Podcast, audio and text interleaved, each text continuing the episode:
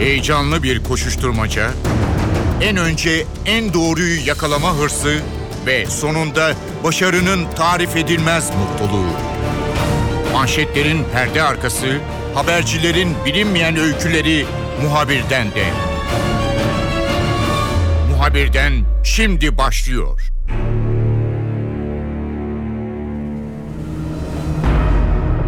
Siyasette önemli gündem maddeleri var, sıcak gündem maddeleri var. Ancak buna karşılık çevre sorunları da ciddi sinyaller veriyor. Bu yıl içerisinde birçok kez bahar aylarından itibaren kuraklık konusunda uzmanların endişeleri aktarılmıştı.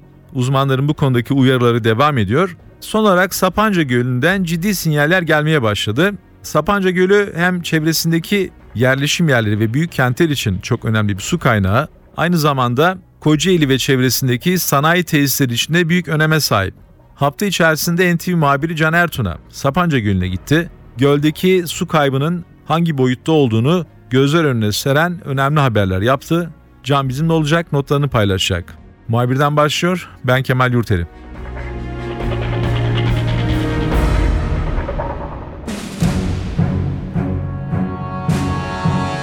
Can biraz önce de belirttiğim gibi gerçekten bu yaz e, başlarında kuraklık uyarıları vardı. Bunun somut örneğini Sapanca'da görüyoruz. Çok büyük bir göl.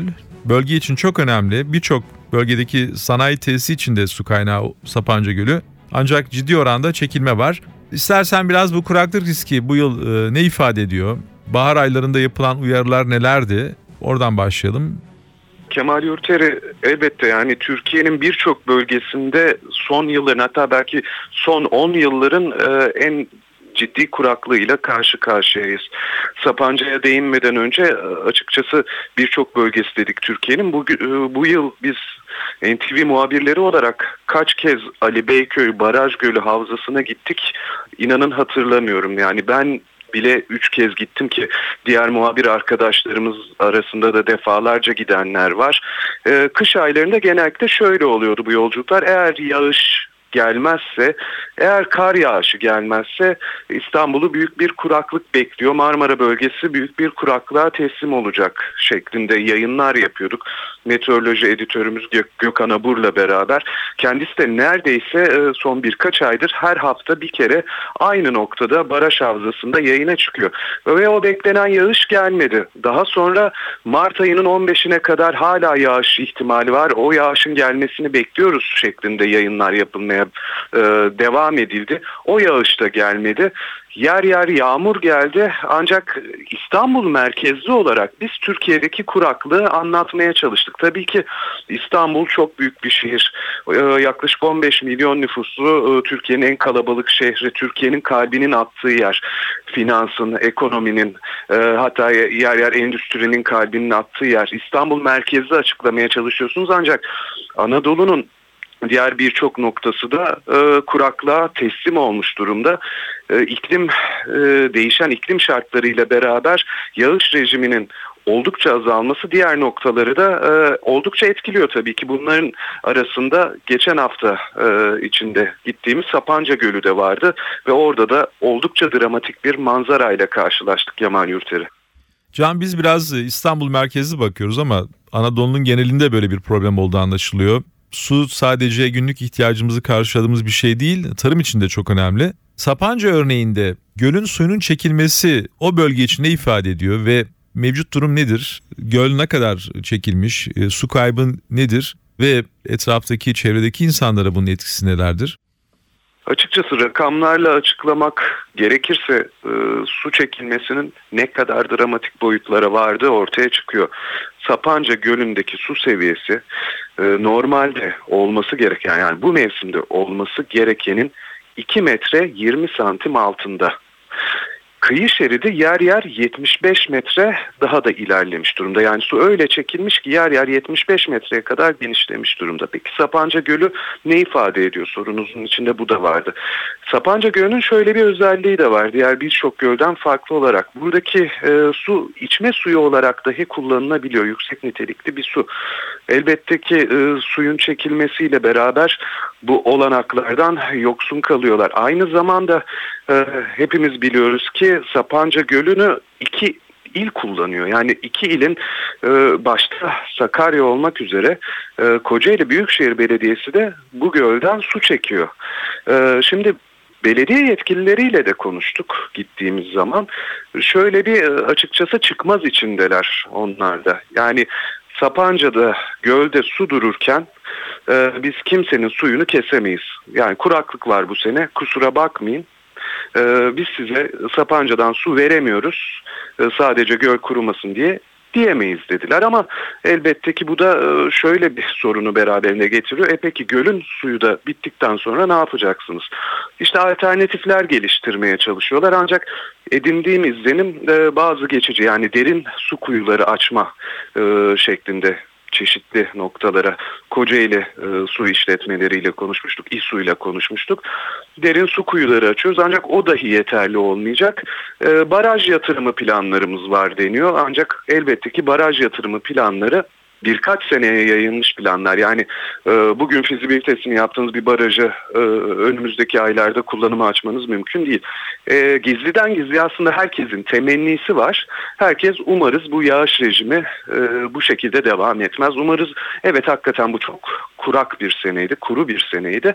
E, önümüzdeki yıllarda böyle olmaz ise yeniden sürdürülebilir bir biçimde e, su teminine devam edebiliriz diyorlar.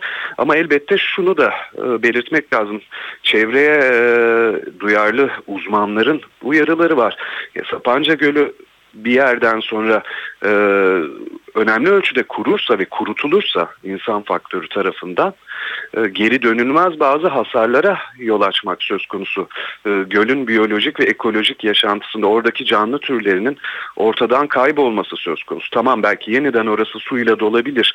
Çok e, kar yağışlı bir kıştan sonra ve bir takım önlemler alınırsa e, kuruluşların daha az su çekmesi sağlanırsa ama e, bazı canlı türlerini kaybettikten ve gölün e, ekolojik dengesini bozduktan sonra o gölün yeniden dolması e, hiç de e, kendini de onarması hiç de kolay olmuyor. Bu yönde de bir e, önemli dikkat ve hassasiyet göstermek gerekiyor. Bir de tabii şunu eklemek lazım. İki belediyeden bahsettik ama gölü kurutan insan faktörü sadece belediyelerin oradan su çekmesi değil.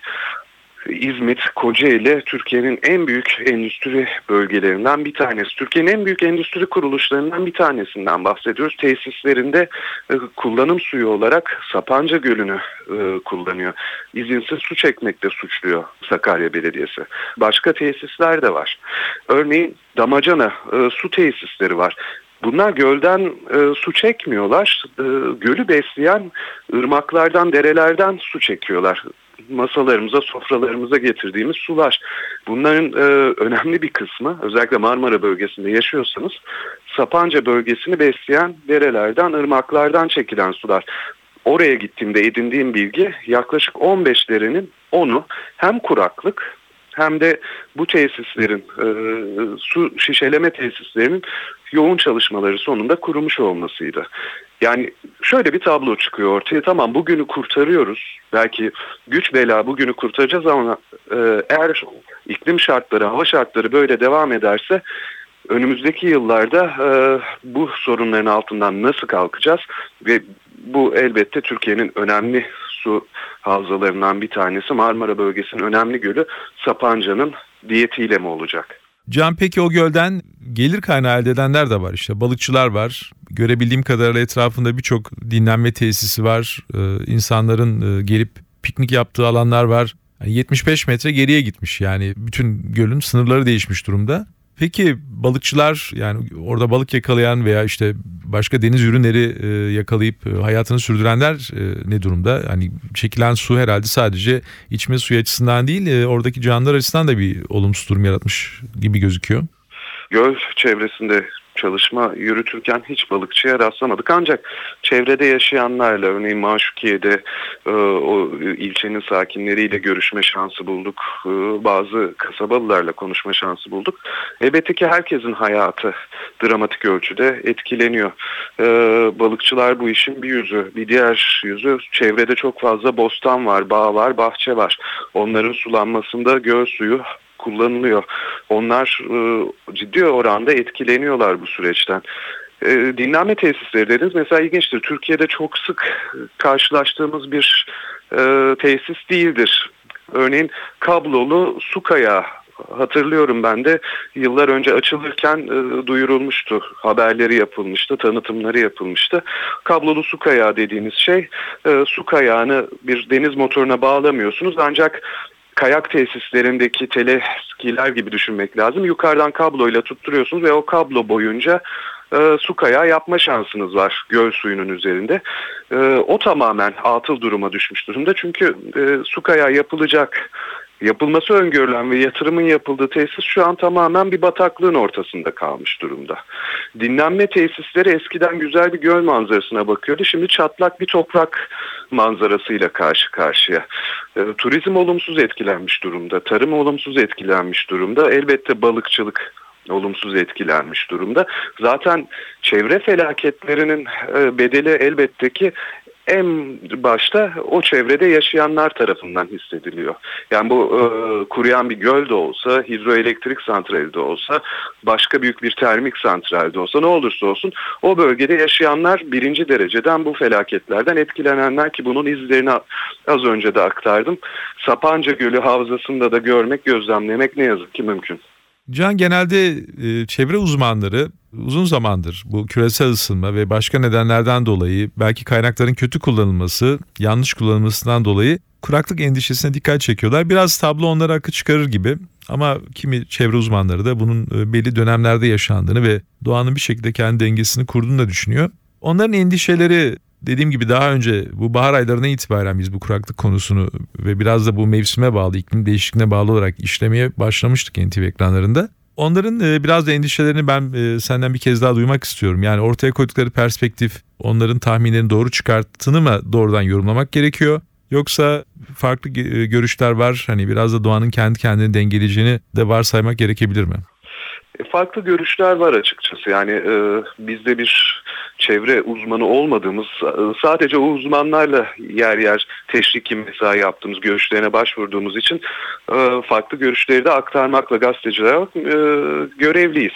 Ancak gitgide ağırlık kazanan bir görüş var. O da küresel ısınmayla beraber, dünyadaki iklim dengesinin değişmesiyle beraber Türkiye'nin de gitgide tırnak içinde söylüyorum tropik bir e, iklim rejimine bürünmeye başladığı yönünde. E, sadece bakın Sapanca'dan bahsediyoruz ama bir başka boyutundan da bahsedeyim. Mesela e, yaklaşık bir buçuk ay önce Edirne İpsala'daydık. Belki hatırlarsınız NTV ekranlarında e, bunu da göstermiştik. Çeltik Türkiye'nin en önemli gıda maddelerinden bir tanesidir. Pirinç üretimi geciken yağışlar nedeniyle çeltik üretimi büyük bir risk altında diye bir haber yapmıştık. Canlı bağlantılar da yapmıştık. Çünkü 130 e, gün yaklaşık su altında kalması gerekiyor çeltiğin sağlıklı yetişebilmesi için. E, yağışlar bir, bir buçuk ay geç geldiği için sonrasında e, çeltik sezonu da tamamen ileriye kayıyor. Ekim-Kasım aylarına kayarsa eğer çeltik hasat mevsimi o dönemde dondan ve aşırı soğuklardan e, şikayetçiler. Öyle bir endişeleri var çeltik üretenlerin. Dolayısıyla Türkiye'nin bir anlamda yüzde kırkının çeltik üretiminin yüzde kırkının yapıldığı e, Trakya'da da büyük bir endişe hakimdi.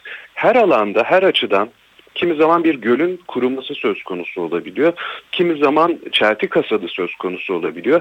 Kimi zaman e, pamukta benzeri kaygıları görüyoruz. Türkiye'deki yağış rejiminin değişmesi, azalması elbette ki e, tüm Türkiye'yi derin bir biçimde etkiliyor. Sadece çevre sorunları açısından değil bu bizim yarın öbür gün gıdamızı, yiyeceğimizi, gıda fiyatlarımızı da etkileyecek.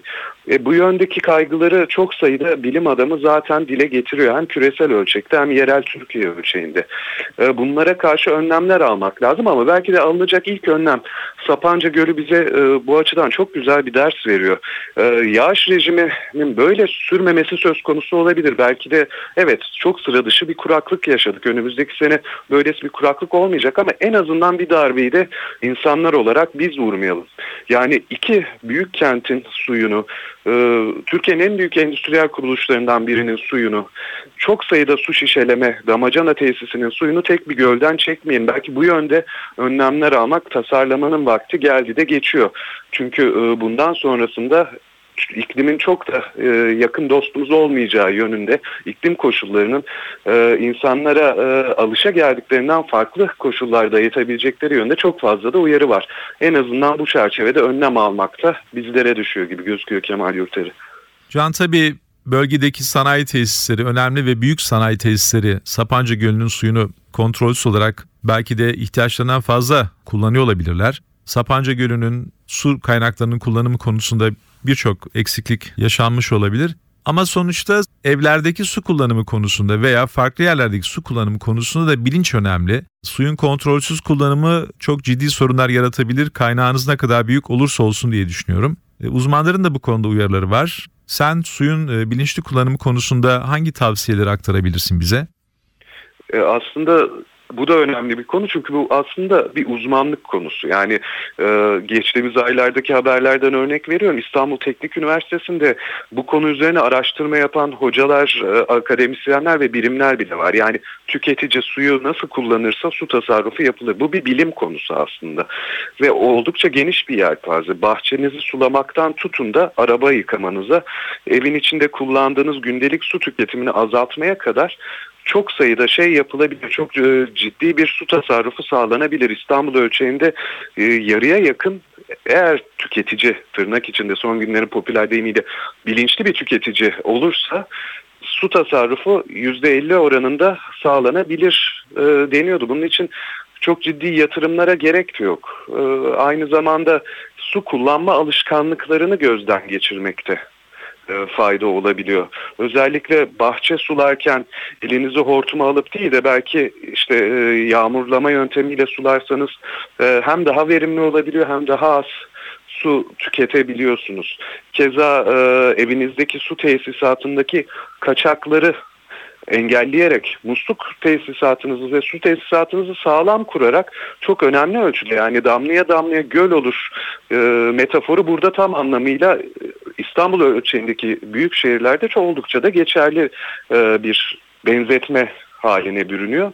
Tüketici de e, önemli katkılarda bulunabilir kesinlikle. Ancak tabii e, bunu kombine etmek gerekiyor. Bilinçli bir tüketici aynı zamanda ayakları yere basan geleceği de düşünen sürdürülebilir e, ulusal ölçekte bir su politikası. Bu ikisini bir arada düşündüğünüzde çevrenin olumsuz etkileriyle baş edebilir. Bunu daha kolay göğüsleyebilirsiniz gibi gözüküyor. NTV muhabiri Can Ertun'a notlarını bizimle paylaştı. Can bu yılın başlarında da çevre sorunlarına dikkat çeken dosyalar yapmıştı NTV için. Ayrıca birçok barajlardaki ciddi orandaki su azalması konusuna yakından bakmıştı. Can bu kez de Sapanca Gölü'ne ilişkin notlarını aktardı.